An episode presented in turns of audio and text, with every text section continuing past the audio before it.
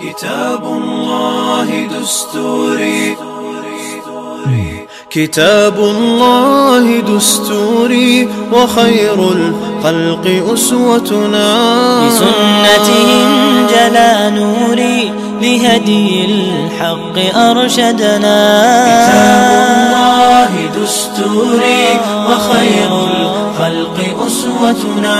بسنته جلا نوري وعلى أشرف الأنبياء والمرسلين نبينا محمد وعلى آله وصحبه أجمعين Doista svaka zahvala pripada našem gospodaru Allahu subhanahu wa ta'ala. Salavat mi i selam na Allahu poslanika, ali salatu selam njegovu porodcu, časnija sabi i sve one koji slijedi na putu istine do sudnjega dana. Braću moja draga, u proteklom našem dersu družili smo se sa hadisom broj 2 u skupini hadisa 40 hadisa imama Nevija. Večera se družimo sa trećim hadisom koji je ukizi na 43. stranici. To je poznati hadis od Ibn Omara radijallahu ta'ala anhu za kojeg su čak djelomično malo učenjaci postavljali pitanje šta je bio razlog da imam Nevevi spomenuo bukvalno identičan hadis nakon što smo imali hadis Džibrila, a dio Džibrilovog hadisa je potpuno identičan ovom hadisu. Pa su između ostalo spomenuli da je to zbog bitnosti ovog hadisa. U osnovi, znači, mi smo prošli put govorili o, o, o ovoj cijelini. Znači, ovaj hadis nam e, prenosi od Božih poslanika, ali se letu selam, Abdullah ibn Omar, da je rekao, čuo sam Allahu poslanika, ali se letu selam, da kaže, Islam je sagrađen na pet temelja. Svjedočenju da nema Boga osim Allaha, da je Muhammed njegov rob i poslanik, obavljanje namaza, davanje zakijata, hađu bejtullaha i postu mjeseca Ramazana. Hadis bilježi Buharija i Muslim. Šta imamo novo ovdje? Imamo jednog novog raviju prenosioca hadisa, to je Abdullah ibn Omar, radijallahu ta'ala anhu, Abdullah sin Omerov. O njegovom ocu smo govorili, jer su prva dva hadisa, znači od Božih poslanika prenosi Omer, ovaj hadis bilježi Abdullah ibn Omer. Abdullah ibn Omar, radijallahu ta'ala anhu, je veoma mlad primio islam, i kao što stoji, evo ovdje vidjet ćete da je umro 73. hijđetske godine, bukvalno 60 godina nakon Božeg poslanika je ostao živjet. Bio je poznat po ilmu, po znanju, bio je poznat po tome da je dosljedno slijedio Božeg poslanika, ali selatu selam, ali selam. Do te mjeri da su neki govorili da u to vrijeme kad je on znači živio, da nije bilo čovjeka koji mu je sličio u smislu toliko je dosljedno slijedio Boži poslanika, ali se latu selam i navodi se razno razne predaje u kojima se vidi koliko je on dosljedno slijedio poslanika. Čak u nekim predajama stoji da kada bi naišao na neko mjesto gdje je nekad bilo drvo, pa bila grana, pa se Boži poslanik sagio da tako prođe, iako više nema drveta, on bi tuda prolazio, saginjao bi se. Toliko je dosljedno slijedio Allah poslanika, ali se latu selam, i za njega je Boži poslanik kazao kako je dobar čovjek Abdullah, kako je on dobar. Tako da Abdullah ibn Omer sigurno je jedan od, e, možemo kazati, istaknuti ashaba, prenosi od Božih poslanika mnogo, mnogo hadisa, e, učestvuje zato što je bio mlad na, u bitci na Bedru i na Uhudu, nije mogu učestvovati zbog mladosti, nakon toga je učestvovao u svim bitkama sa Božim poslanikom, alih salatu wasalam.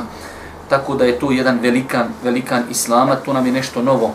Ovaj hadis bilježi Buharija i Muslim, tako da oko njegove vjerodostojnosti ne treba uopšte ništa spominjati.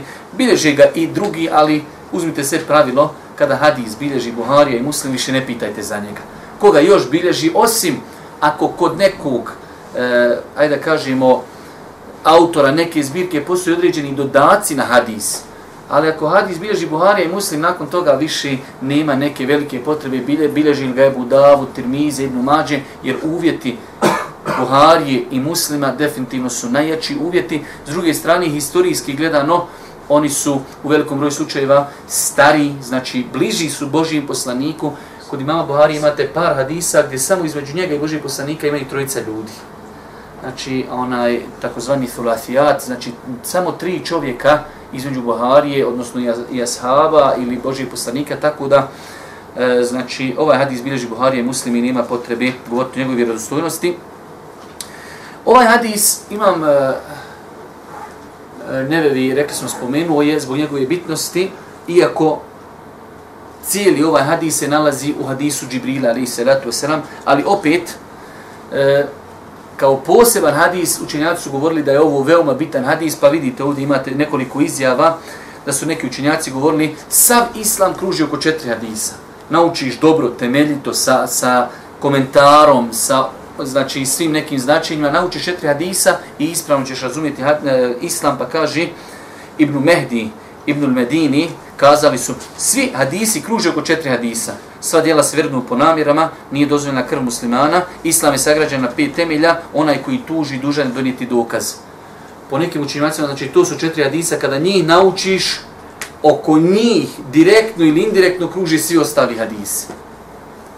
Tako da je ovaj hadis definitivno jedan od velikih hadisa gdje Boži poslanik uporedio islam sa jednom građevinom, da je islam sagrađen kao građevina na pet temelja. Pa je onda spomenuo ovi pet stvari. Alikum selam wa Pojašnjenje riječi iz hadisa, islam poznato šta je islam, obavljanje namaza. U arapskom jeziku imate riječ iqametu salah, uvijek ćete vidjeti, čak lako je ovaj hadis zatvan zato što ima ona poznata ilahija bunijel islamu ala hams šehadetin la ilaha illa wa anna muhammed rasulullah wa iqami sada. U arapskom jeziku imate riječ eda, nešto samo obaviti, wa iqame. Čak u Kur'anu uvijek aqimu sada. Ovaj glagol nerijetko ljudi ne razumiju potpuno.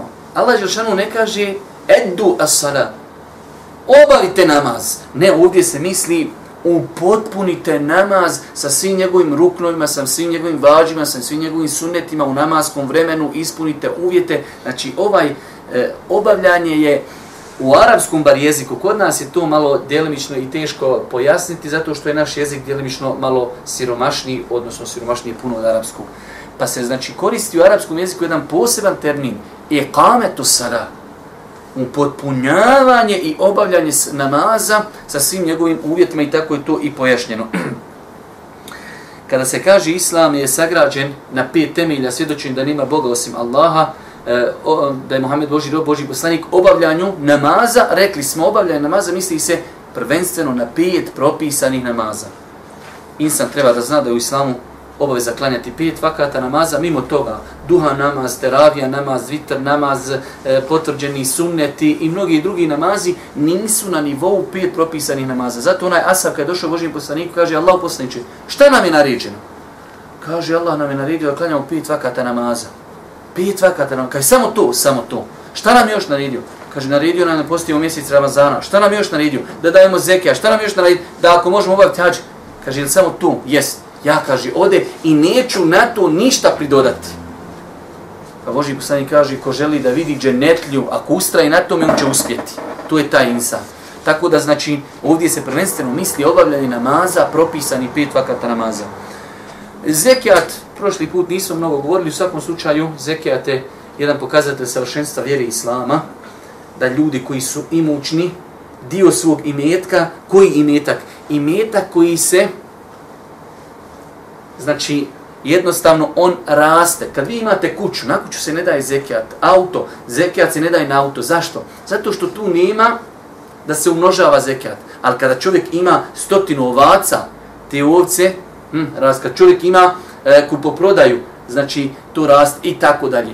Pa je znači islam uvažio činjenicu da se daje zekijat onaj koji je imućan na imetak koji se umnožava. U svakom slučaju vjerujem da svi znate da se zekija daje na četiri samo vrste i metka. Velik broj ljudi naši e, nemaju ni osnovno znanje o zekijatu, pa onda ljudi kažu e, dao sam nešto novca, 10-20 maraka na ime zekijata, da li se daje, nova, e, da li se daje zekijat na kuću, na auto, na i tako dalje. Znači, zekijat se daje na šta?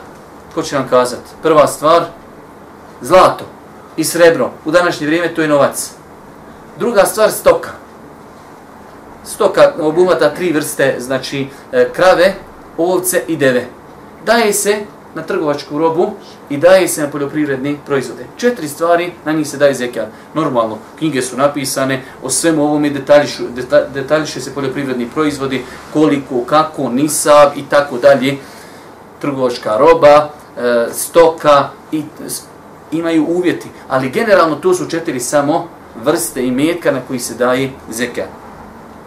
Post mjeseca Ramazana, zna se da se time podrazumijeva da čovjek u mjesecu Ramazanu, punoljetan insan koji nije na putu i koji je zdrav, da posti znači od pojave zore do zalaska sunca, da čuva se svega što kvari post, prvenstveno jelo, piće i spolni kontakt. Hadž, eh, da čovjek, ako je u mogućnosti jednom u životu, obiđe, znači, sveta mjesta u određenom periodu vremenskom, hađ se, znači, ne može obaviti osim u onom periodu kada je Allah Đelšanu propisao. Umra se može obavljati tokom cijele godine, a hađ je, znači, specifično vezan za mjesec Zulhidje i inšala svima je to vam poznato. Nakon toga koristi iz ovog hadisa, jer mi večeras, pošto smo prošli put govorili o djelimištovim stvarima, pričamo ako Bog da inšala dva hadisa. Prva pouka jeste da iz ovog hadisa zaključujemo da je Allah poslanik ali se letu selam ljudima pojašnjavao nekada određene stvari poredeći sa nečim e, opipljivim što ostavlja kod čovjeka e, veći trag. Pa čovjek kad sad zamisli kaže bunijel islamu, islam je sagrađen na pet temelja. Pa ti sad sebi zamisliš jednu građevinu i ona ima pet stubova. Pa je Boži poslanik to uporedio kako bi se to ljudima što više urezalo u pamćenje. A iz, lakše mu je pojasniti, kad imaš sad ovaj stu i da on ima ovdje noge, i zamislite, evo, imate ovaj ovdje tronož, šta mislite da mu ovu jednu nogu skinimo? Šta bilo? Pa bi ošao iz etera. Ima. E tako islam. Imaš pet nogala, izvadiš jednu nogu, neko ti ode iz etera. Če doglice kamera u krinicama, Allah zna. E pa ako još izvučeš dvije noge, Bogam će se kamera izakotrljati. I tako dalje. Pa je znači Boži postanik ovdje e, ovaj hadis izrekao na način da je uporedio islam sa građevinom. Druga stvar, druga korist, onaj koji je sagradio islam na ovim temeljima je uzvišeni Allah subhanahu wa ta'ala. Jer ovdje je došlo u pasivu, bunijel islamu. Glagol u arapskom je bena jebni izgraditi. Bunije je u pasivu. Islam je sagrađen. Pa se postavlja pitanja, ko je sagradio islam na ti pet stvari? Sagradio ga njegov gospodar, uzvišeni Allah subhanahu wa ta'ala, a Muhammed alaih salatu wasalam je taj koji donosio propise Islama posredstvom Džibrila alaih salatu wasalam. U hadisu se broj 3 se nalazi pojašnjenje važnosti pet temelja Islama na osnovu kojih osoba biva musliman i bez kojih nije musliman. Ti temelji su dva šehadeta, nema zekat, post i hađ. Ovaj hadis nam znači na e, jednostavan način pokazuje šta je to minimum islam. Kada čovjek ja sam musliman. Ako si musliman, ovo bi trebao da minimalno ispuniš. Da izgovoriš la ilaha illallah Muhammedu Rasulullah, posvjedočiš da je e, Allah Žešanu gospodar, jedini koji zaslužuje da bude obožavan, da je Muhammed Boži poslanik, da obavljaš pet vakata namaza, da daješ zekijat ako imaš znači nešto od oni robi na koji se daje zekijat, da postiš mjesec, mjesec Ramazana i da odeš naći ako možeš. Tada čovjek potpada pod ovu građevinu koja se zove Islam. Hadis ukazuje da treba odpočinjati sa najvažnijim. Kako ukazuje na to? Zašto? Boži poslanik kaže, Islam je sagrađen na pijet, pa je spomenuo prvo svjedočenje da nema Boga osim Allaha, da je Mohamed Boži rob, Boži poslanik. To je najbitnija stvar. U islamu je to jedinica. Sve ostalo možemo reći da su nule, nakon jedinice. Pa kada imate jedincu i dodajete nule, šta znači? Broj se povećaje u smislu većije imate jedincu i dajete 0, 10. Još 0, 100. Još 0, 1000. 10.000, 100.000 10 i tako dalje. Ali ako ne imate tu jedincu, dodajte nule. Ništa. Pa je Boži poslanik spomenuo najbitniju stvar. Čovjek hoće ući u islam, prvom kažemo, ok. Znate kada je onaj čovjek došao u Božijem poslaniku, borba hoće da počni. Allaho poslanić, spreman, on nosi pancir. Hoćeš li, kaže, da primim islam prije borbe i poslije borbe? Poslanik, ali se vas sam zna da u borbi moraš izgubiti glavu. Kaj primi islam pa se bori. Pa je primio islam i borio se i poginuo. Kaže Boži poslanik, malo je uradio, a puno zaradio. Nijedne sežde nije uradio.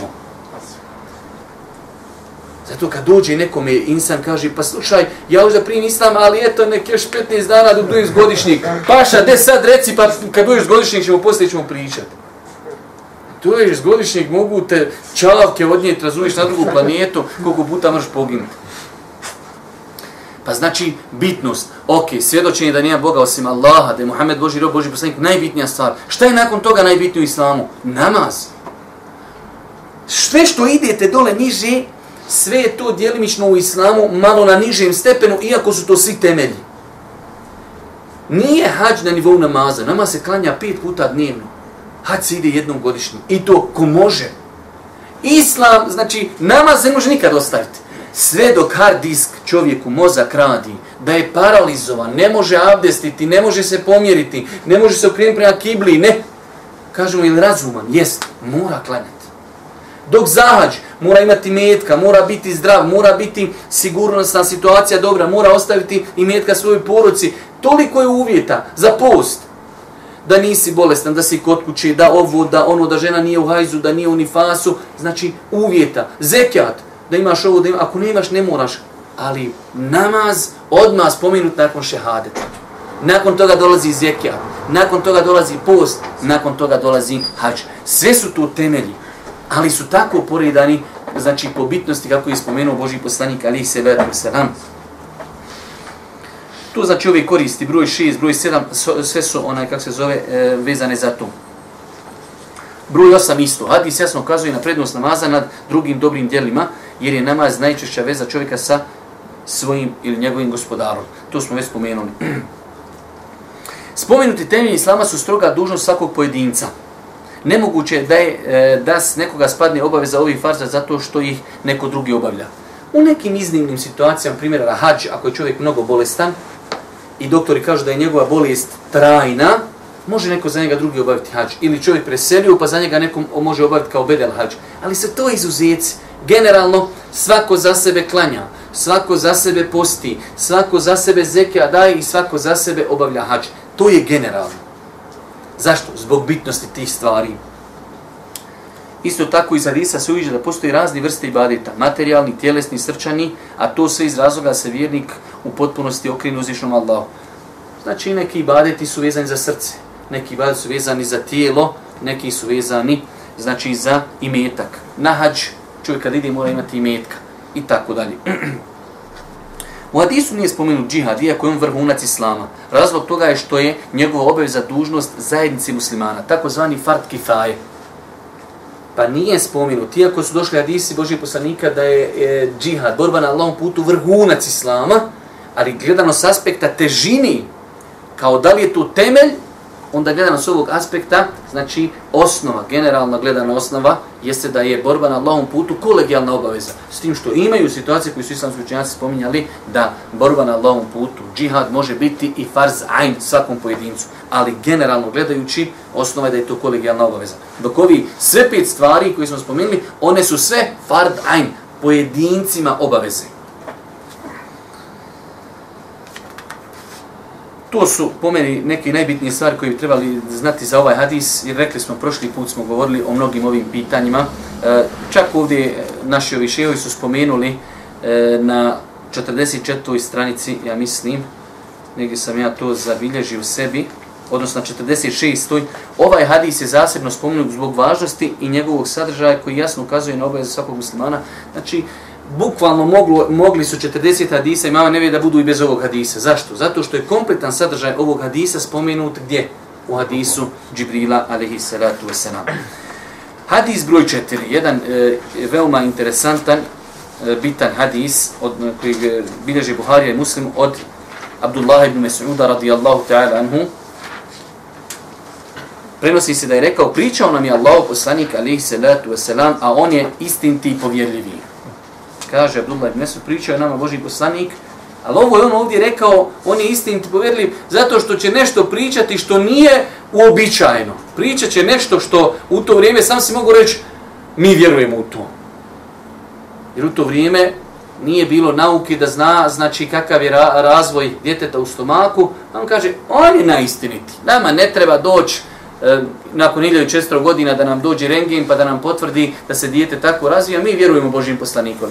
Pa kaže, stvaranje čovjeka biva u utrobi njegove majke 40 dana u vidu kaplici. Znači, čovjek prvo vrijeme koji provodi u utrobi svoje majke bude 40 dana kaplica. Zatim bude toliko isto vremena u vidu aleka ugruška. Znači onda lagano počne da se ta kaplica vodi pretvara u ugrušak. Zatim bude toliko isto vremena kao mudla komadić mesa. Ovo mi možete čitati, možete, znači, e, e, čak, znači, i naučna neka otkrića da je bilo ljudi koji su primili islam zbog ovog izraza mudla. Jedan čovjek kada je čitao o tome i kada je slušao, pitao je ljudi u arapskom jeziku šta je u vas mudla?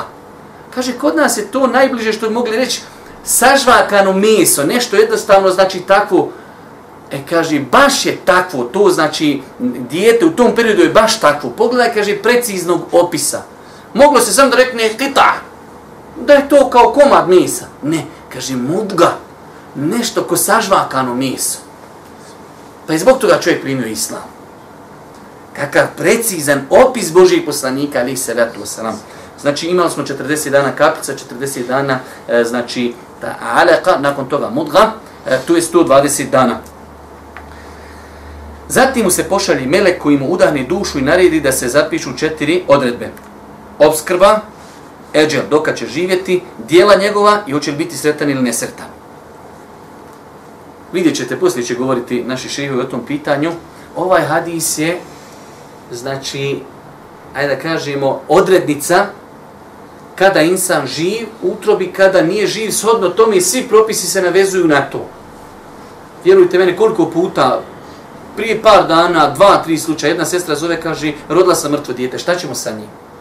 Propis je dijete nakon što oživi utrovi majke, uzima potpuno sve propise kao propis živog insana daje mu se ime, klanja mu se dženaza, kupa se, umotaje se u čefine. Svi propisi kao živa osoba. Prije toga, prije 120 dana, prije nego što je udahnuta u njega duša, prije nego što, što su se počeli na ovom komadu mesa razaznavati dijelovi ljudskog tijela, tada ako se ide si spontani porođaj ili bude nešto, znači to se samo uzme znači, i zakopa se u zemlju bez ikakve procedure. Pa je ovaj hadis, normalno, danas je tu nauka definitivno potvrdila da čovjek u ovom periodu, znači, oživljava. Pa nastavlja Allah poslanik, ali se radi o pa kaže, pa tako mi Allah, pored kojeg nema drugog istinskog Boga, doista će jedan od vas raditi dijela koja vode džennetu sve dotle, dok između njega i dženneta ne bude lakat prostora. Kada će ga preteći ono što mu je zapisano u knjigi, te će početi činiti dijela koja vodi u vatru i ući će o nju. Živ poslanik, ovo je, vjerujte, hadis, toliko obećaje, a toliko zastrašuje. Kaže, bit će među vama ljudi koji će raditi dijela koja vode ka džennetu. Čovjek klanja, posti, pobožan, u džami, djeca, obaveze, hađ, sve. Sve dok njeg, između njega i dženneta ne bude podlatica. Toliko se približio. god Podlatica to je korak. Ali ima u rivajetima je došlo, kaže, u očima ono što ljudi vidi, ljudi to vidi, ali njegovo srce tu je negdje problem. Kaže, pa će se okrenuti u drugom pravcu, pa će početi raditi dijela stanovnika džehennema, pa će tamo i završiti. Ovaj hadis ubija u čovjeku umišljenost, ubija u njemu ego. A, ja klanjam, ja sam neko, ja sam nešto. Sve dok je insan živ, podližan je smutnji, podližan je fitni. Zato i je propisano čovjek što više dovi šta? Ja mu kalibel kulub, wal absar, thebit kalbi aladin. Gospodar, učvrsti me, učvrsti me na putu istini. Innama amalu bil khawatin, djela se vrednuju po završnicama. Čovjek će biti proživljen kako je umru. Čovjek može klanjati 50 godina i ostavi zadnju godinu dana namaz. On je otišao u jednom veoma, veoma ružnom stanju. Pa se djela vrednuju po završnicama. Pa je na kraju opet Boži poslanik kazao i jedan od vas radit će djela koja vodi u vatru, sve dok između njega i vatri ne bude lakat prostora. Kada će ga preteći ono što mu je zapisano u knjizi, počet će raditi djela koja vodi ka džennetu i ući će u džennet.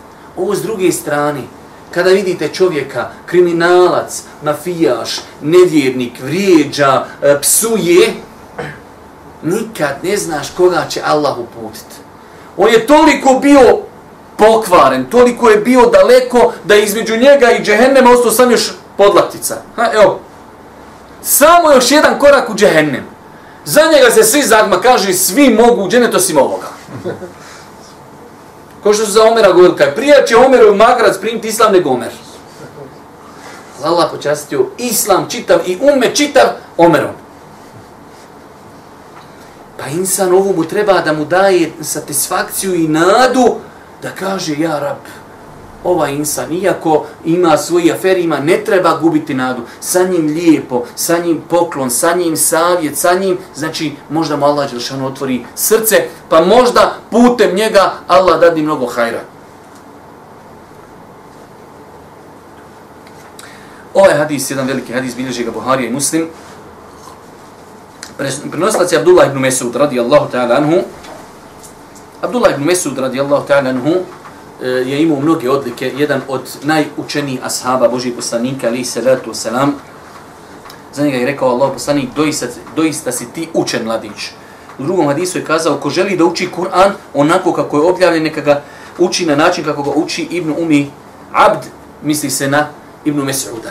U jednom rivajtu spomenuti neka se Kur'an uzme u četiri osobe. Ali kaže prenosioc, pa je počeo sa Ibn Mes'udom. Spomenuo je Boži poslanik, kaže, njegove sahabi su se razlikovali.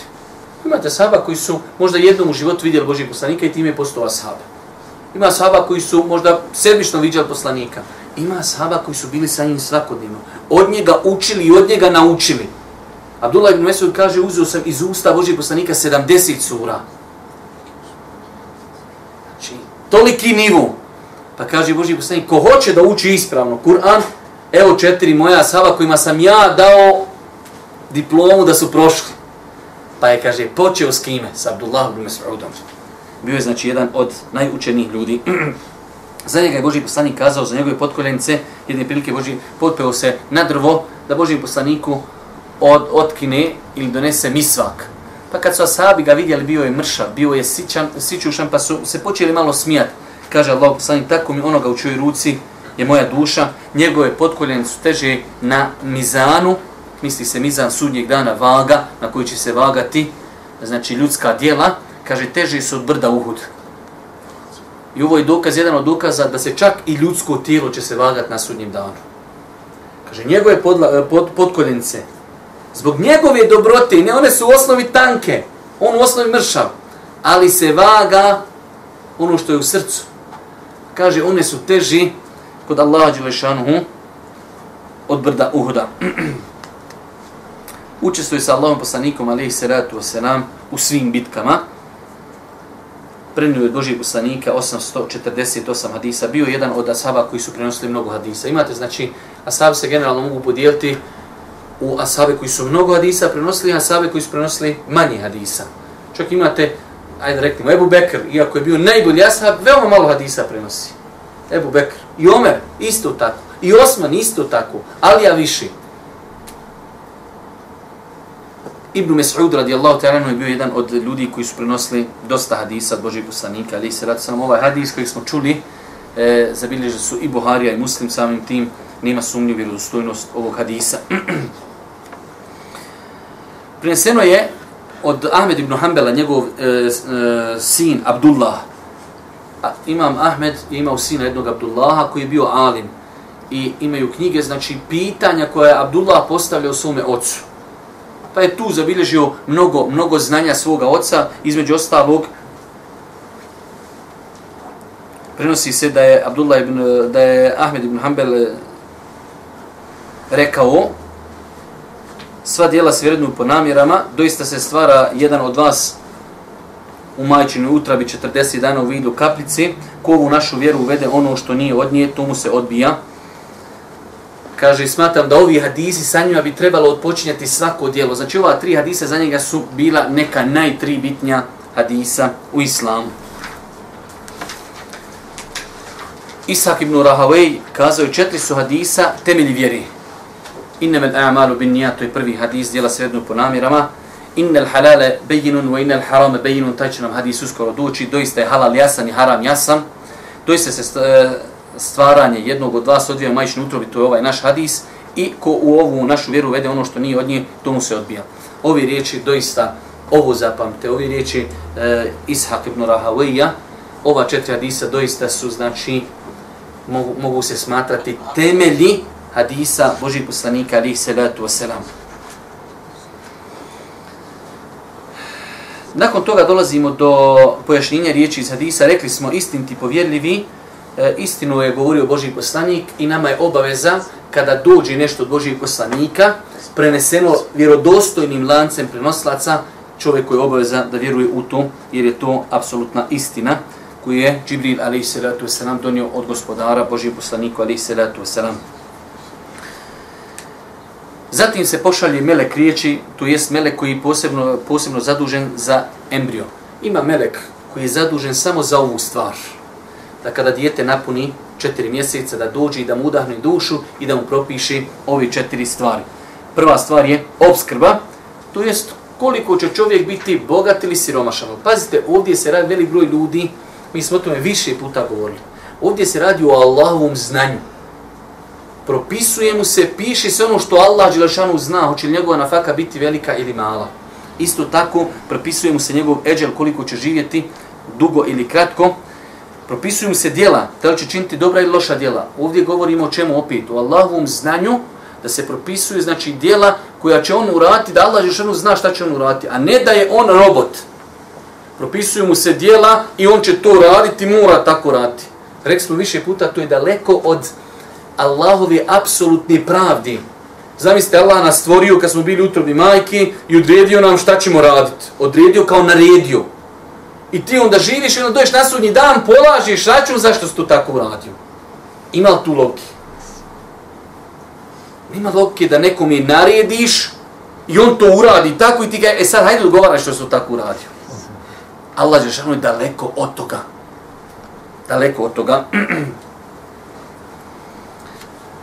Isto tako ovo, kaže, pa će ga preteći ono što je u knjizi. Preteće ga to što je Allah znao da će on tako urati. Čovjek radio dobra djela, radio dobra djela, radio dobra djela, pa ga preteklo u knjizi, misli se, pa će se desiti ono što je zapisano u knjizi, a zapisano da će se on zaokrenuti.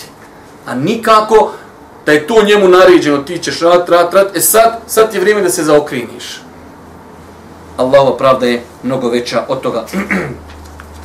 Nakon toga, poruke E, ovog hadisa, poruka broj 2, hadis nas podučava da budemo skromni i da se ne uzdižemo na drugima. Čovjek kada razmisli o sumi nastanku, kako je tekao njegov razvoj u majčinom stomaku, od čega ga je uzvišen Allah stvorio, nemoguće da se uzdiže i oholi. Ste vidjeli korist? Kako? Mi možda da ne čitamo knjige u Lenin. Možda bi ovaj hadis pročitali stotinu puta. Da sam ja noće s nama rekao, hajde da vidimo šta mi možemo iz ovog hadisa koristi izvući. Ko bi se sjetio ove koristi? Da Allah poslanik pojašnjava da je čovjek stvoren od kaplice. I onda čovjek dođe i bukvalno beuče ko vo.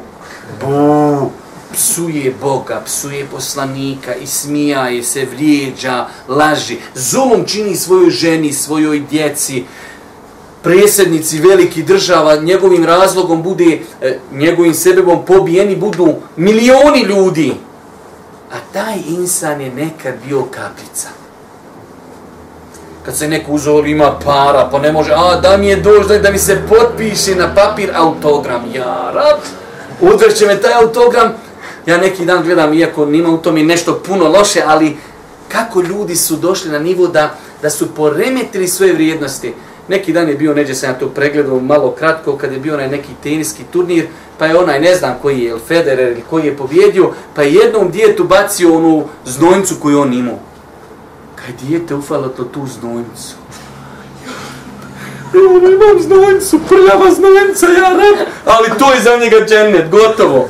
Kad se ljudima poremetri para, ja sad imam lopticu s kojom su igrali oni tenis. I, ha, kuš dalje loptu u usta, kuš dalje. Platio čovjek loptu koju su nekad vjerovatili na svjetskom prvenstvu, igrali Italija, Njemačka, igrali onaj, kak se zove, finale, platio 80 miliona eura, ja, rab, i šta sa njom? Kućeš? Da si za 80 miliona napravio bolnica, puteva, medresa, podijelio sadake, dao je timima, kupio loptu, ja sad imam tu loptu. I, že je ukabur sasu, i da istrpaju ukabur, opet trun dole. Ali šta? Kad ljudima nametnu pogrešne parametre, to je nešto bitno, ima, kaže, autogram, potpisao mi se neko. Ha, i kud? Kud posli sa tim? Dođeš pred džennet i kažeš, e, mora li da ovoga? Kažu, u drugom pravcu, gospodine, to na drugu stranu.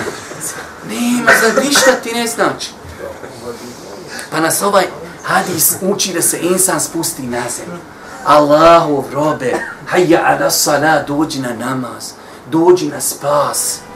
As salatu hajru mine naum, namaz je bolji od spavanja.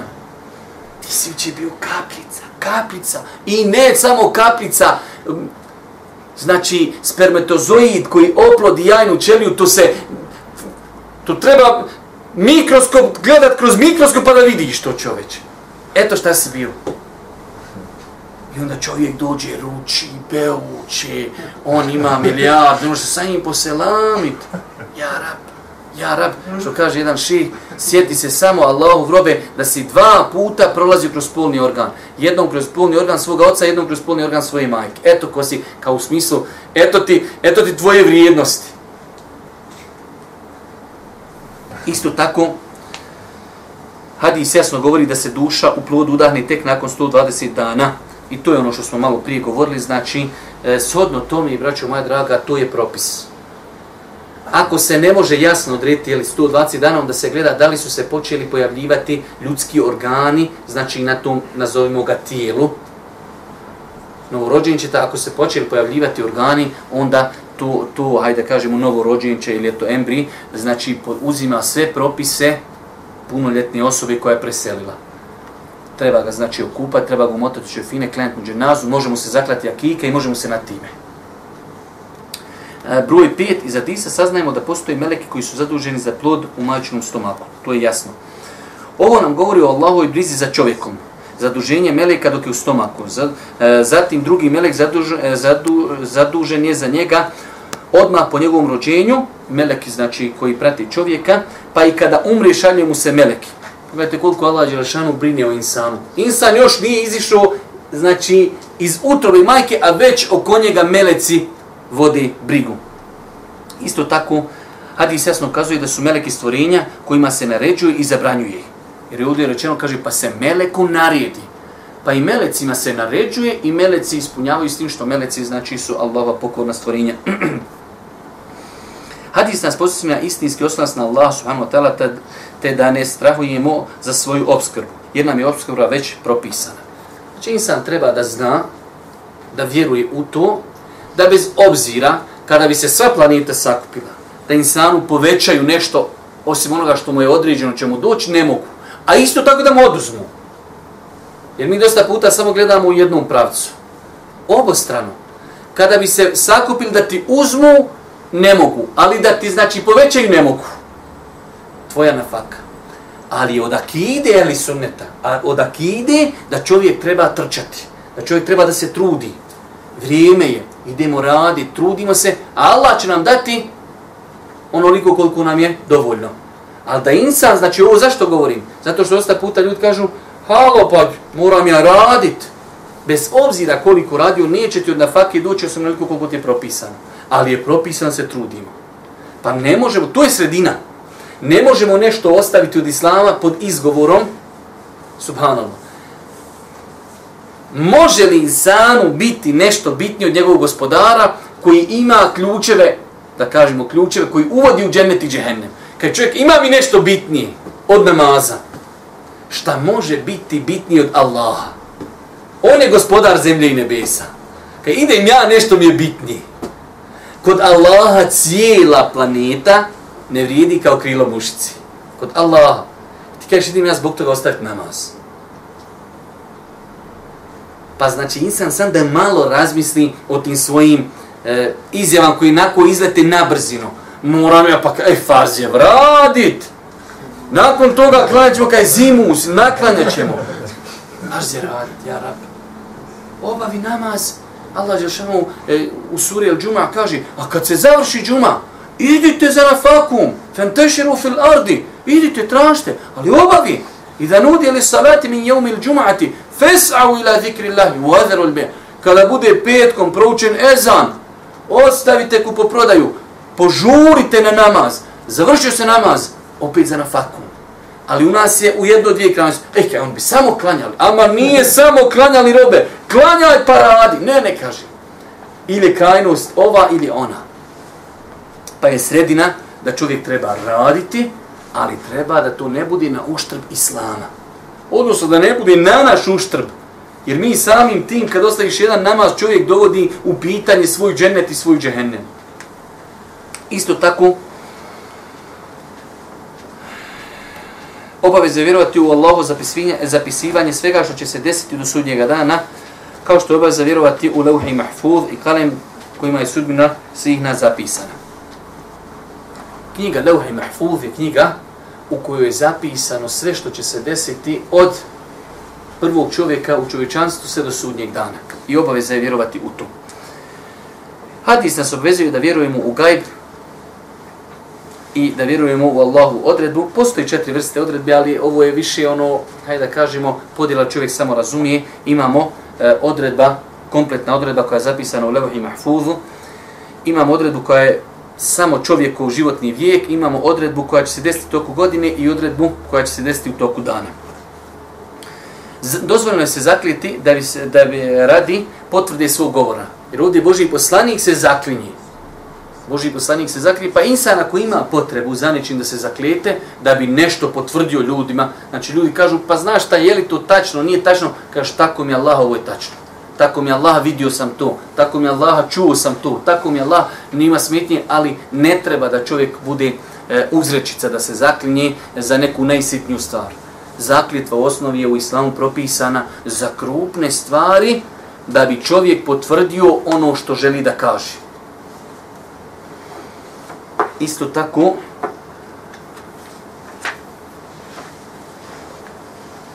na osnovu broj 14, na osnovu prijethodnog nije dozvoljeno ni za koga tvrti da je od stanovnika vatri ili stanovnika dženeta, kako god on dijelo radio, dobro ili loše, jer završetak svi ljudi poznati samo Allah. Nisam sad na, na dunjalku, vidiš čovjeka pobožan, a ovo je dženetlija. Ili obrnuto. Vidiš čovjeka baš ono kriminalno, kažeš, ovaj će u džehennem. Ne, to su krupne stvari od akide ehli sunneta se tu ne smije govoriti. Ne smije se tvrditi osim osobe za koji poslanik rekao dženetlije ili osobe koje, za koji rekao džahennemlije. Možemo reći za ovog insana se bojimo ako nastavi ovim putem ovaj put vodi gdje ne treba. Ili ako je čovjek preselio sa lijepim znacima, čovjek otišao u borbu na Allahom putu i poginuo, mi kažemo, molimo Allaha da ga učini šehidom. Ali šehid, Kako znaš šehid? Zar nije Boži poslanik rekao prvi insan koji će biti bačen u vatru je ko? Čovjek koji se borio na Allahom putu. Otkud ti možeš znati da li on taj ili nije taj? Pa mi kažemo, nadamo se. Molimo Allah da ga primi u šehide. Čovjek preselio e, na namazu, preselio na hađu, obavljio namaz. Kaj, Boga mi, to su lijepi znaci, molimo Allah da mu to kabuli i da bude džennetlja. Ali kažeš, on je džennetlja. To insan ne smije kategorički tvrditi nikako. Također ne smije se ismijavati sa neznalicama i griješnicima, uzdisati se nad njima i misli da im, je, da im Allah neće oprostiti. Rekli smo malo prije, ovo je vjerujte jedan veliki hadis koji čovjeku vjerniku daje veliku nadu, znači kada vidi čovjeka, bez obzira kakva njegova djela bila, da kaže, može Allah Jeršanovu misano otvoriti ljudsko, njegovo srce. Vi pazite, kad uzmijete životopis Božih poslanika, ali se ratu imate ovu, e, ovu teoriju i tako jasno dokazano. Amidža Božijeg poslanika. Bio veoma blizak poslaniku, poslanik bio blizak njemu. Štitio Božijeg poslanika u teškim kriznim momentima. Amidža. Na smrtnim mukama kaže Božiji poslanik, gdje samo reci la ilaha illallah. Samo reci, to su, kaže, riječi zbog koji ću se ja na sudnjem danu zbog tebe zauzimati. Kaže, pa nije rekao, pa je umro kao nevjernik. Subhanom, Amidža. S druge strane, tamo Ebu Hureyre iz nekog plemena Deus dođe, primi islam. Znači, braćo moja draga, tu i je stvala Allahu Đelešanuhu e, savršenstvo i potpunost ove vjeri. Da nije ona skučena samo za familiju tu i tu. Samo za lozu tu i tu. Samo za narod taj i taj. Ne, ne, ne, hvala Allahu. Ne da se sad nešto falimo. Čovjek može biti bosanac, bošnjak može biti bolji musliman od možda 95% ljudi Arapa. To je, alhamdulillah, nijamet. To je blagodat. Inna kramekum inda Allahi etkakum. Najbolji kod Allah su oni koji ga se najviše boji.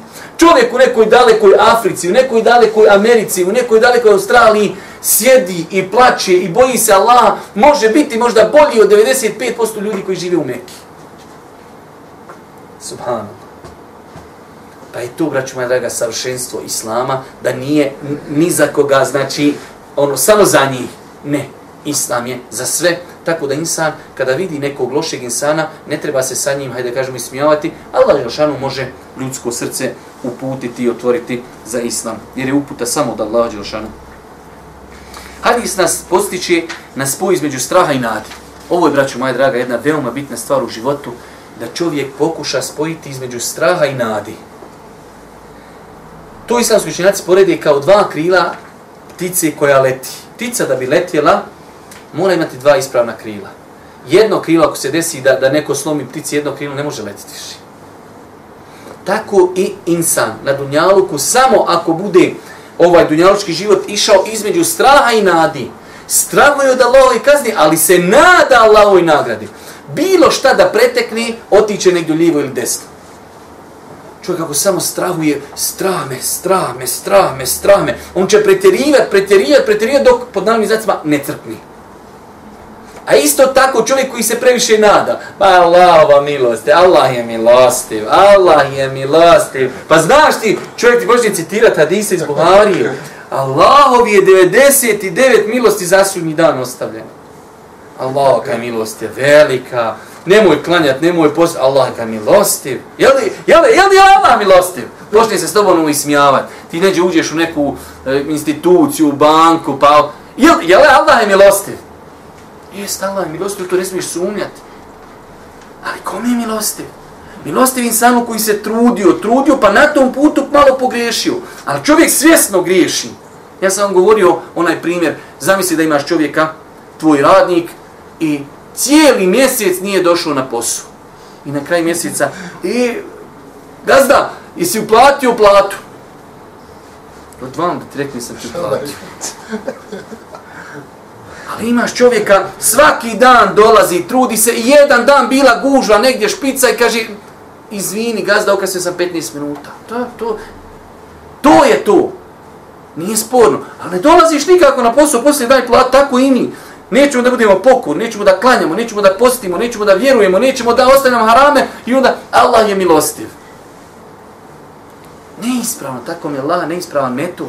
Nažalost, nažalost, neću da reknem, ali neki ljudi u koji se pokazuje prstom kao znanje, znanje, šire takvu ideologiju. Jesi rekao la ilaha illa? Jesam. Jesi bio za 27. noć e, u, u džami, ono malo teravije? Jesam. Jesi bio na Bajramu? Jesam. Zaklo kurban? Ma ti ćeš u džennet, ba nema tebe, ti ćeš prije Bekra ući.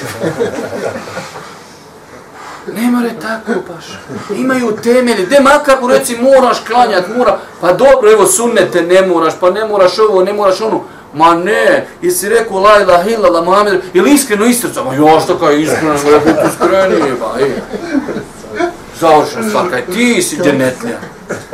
A dobro, recimo, aj recimo stavi ehli sunneta. Ehli sunnet jest, ako ti zaista iskreno neko la ilaha illallah, ali ako tvoji grijesi preovladaju dobra djela, ićeš u džahennem. A, ah, jesi spreman? Uj, uzubila. O ja kontu, ja ću prije bubekra čoveče u džennet. Pojasni mu da valja ići gort u džahennem, da je džahennem 70 puta teži od dunjaličke vatri. E to, te rivajete još nismo do njih došli, on su pred kraj Buharije. Mi tek čitamo početak. Korektnika je, la ilaha illa iskreno, isrca taj ću u džennet. Ne može. To je jest bio razlog nastajanja sekti. Uzmu samo jedan hadis i na osnovu tog hadisa zasno, zasnovaju svoju sektu. Haridžije su samo uzeli hadise iz koji se indirektno može svat čovjek koji uradi grijeh da je nevjernik. Drugi su opet uzeli hadise, jesi rekao la ilaha illa, jesi, jesi iskren, jesi. Ma ti si se bubekram čovječ. Pa se islam uzima šta? Kao cijelina. Uzmemo i ove hadise, i ove hadise, pa ih spojimo. Pa znači, braću moja draga, ovaj nas hadis zaista uči kada čitaš, kad čovjek e, dođe pa vidi sebe, radiš, pokoran si, da opet strahuješ, ne daj Bože, šta da mi se srce preokrini. Pa da strahuješ, ali da se opet nadaš, kažeš, molim te, gospodar, da budem ja od onih koji će ustrajati, učvrsti me, pa se ti nadaš, ali strahuješ. Omer radi Allahu anu, Omer, Omer, Omer, koji mi poslanik u više hadisa rekao dženetlija. Poslanik kad je umro, on otišao kod Uzefe, i je molim te, recimo, da sam ja na spisku munafika. Pa to ljudi neki neispravno shvati. On je vjerovao Božijim poslaniku, ali se da je dženetlija. Ali tu je onaj moment gdje on objedinio strah i nadu. Ipak, gdje ti meni reci sam ja tu, imali me? Znači, insan na dunjalku mora ići ovim dunjalučkim životom između straha u Allaha Đelešanu od njegove kazni, ali isto tako i nada. Allah je milosti i ono što uradim e, pod prisilom. Vi danas vidite koliko čovjek ima stvari koji radi pod, znači, pod prisilom. Iziđeš na ulicu, razgoličenost, e, neka ti država nametne neke stvari koje nisu šerijetski ispravne, na poslu nešto radiš. Nadate se da Allah Đelšanu to oprosti zbog situacije u kojoj živimo.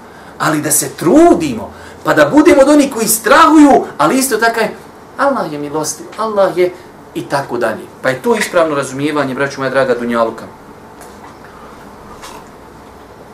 Ovdje 17 isto djela su razlogom ulaska u džennet ili vatru. Odnosno, razlogom za dobijanja Allahovi milosti. Ovo je, ovo je potpunije. Naša djela su razlog da, zad, da čovjek zasluži Allahovu milost. Niko od nas nemoguće da zaradi džennet svojim djelima. Nemoguće. Džennet je mnogo vrijedniji nego naša djela. Koliko imamo samo nijameta i blagodati od očiju, od sluha, od srca, od bubljega, od svega. Ali našim djelima mi možemo zaslužiti Allahu milost. Pa da nas Allah svoju milošću uvede u džennet. Hadis pojašnjava su džennet i džehennem blizu svakog čovjeka. Znači, koliko god se trudiš i misliš da su blizu dženneta, isto tako insan treba da se boji da je blizu džehennema. pošto niko od nas, broj 20, pošto niko od nas ne poznaje svoju završnicu, a kada je doživi, nema više povratka na dunjaluk da se popravi, na nama je da radimo ono što nam, što nam je naređeno i ono što, što nam je od koristi. To je ono što smo malo prije govorili. Mi ne znamo svoju završnicu. Jedina mogućnost da mi sebi obezbijedimo dobru završnicu jeste da budemo kontinuirano dobri i da molimo Allaha da nas učvrsti, da ustrajimo i tako dalje. Jer dijela se vrednuju po završnicama, bit ćemo proživljeni onako kako smo umrli, mi ne znamo kad ćemo umrijeti, ne znamo kako ćemo završiti, jedina mogućnost jeste da kontinuirano budemo pokorni i dobri. Hadis nas, hadis nas podučava da vodimo brigu kako o svojoj o, vanjštini, tako i o svojoj unutrašnjosti. Čovjek treba, znači, ko što mi pazimo na svoju higijenu, pazimo čak na kraju krajeva i stvari koje nam je šerija definisu, odjeća, širina i sve neke stvari, ok. Ali mnogo, mnogo više pažnje čovjek treba da posvećuje, posvećuje svo, svoje, svome srcu. Samo da vidim ovdje. Dobro, mislio sam da ima nešto e, na kraju ovog hadisa. U svakom slučaju, braću moja draga, to su neke stvari koje sam ja želio večeras da vam spomenim e, vezano za ova dva hadisa. Molim Allah da nas učesti na putu istini. Molim ga subhanahu wa ta'ala da nam bude milostiv na sudnjem danu. Molim ga subhanahu wa ta'ala da nam oprosti grijehe. Da nas, naše porodce, našu djecu, naše roditelje uvede u džennet. Subhanak Allahumma wa bihamdika ashhadu an la ilaha illa anta wa atubu ilaik.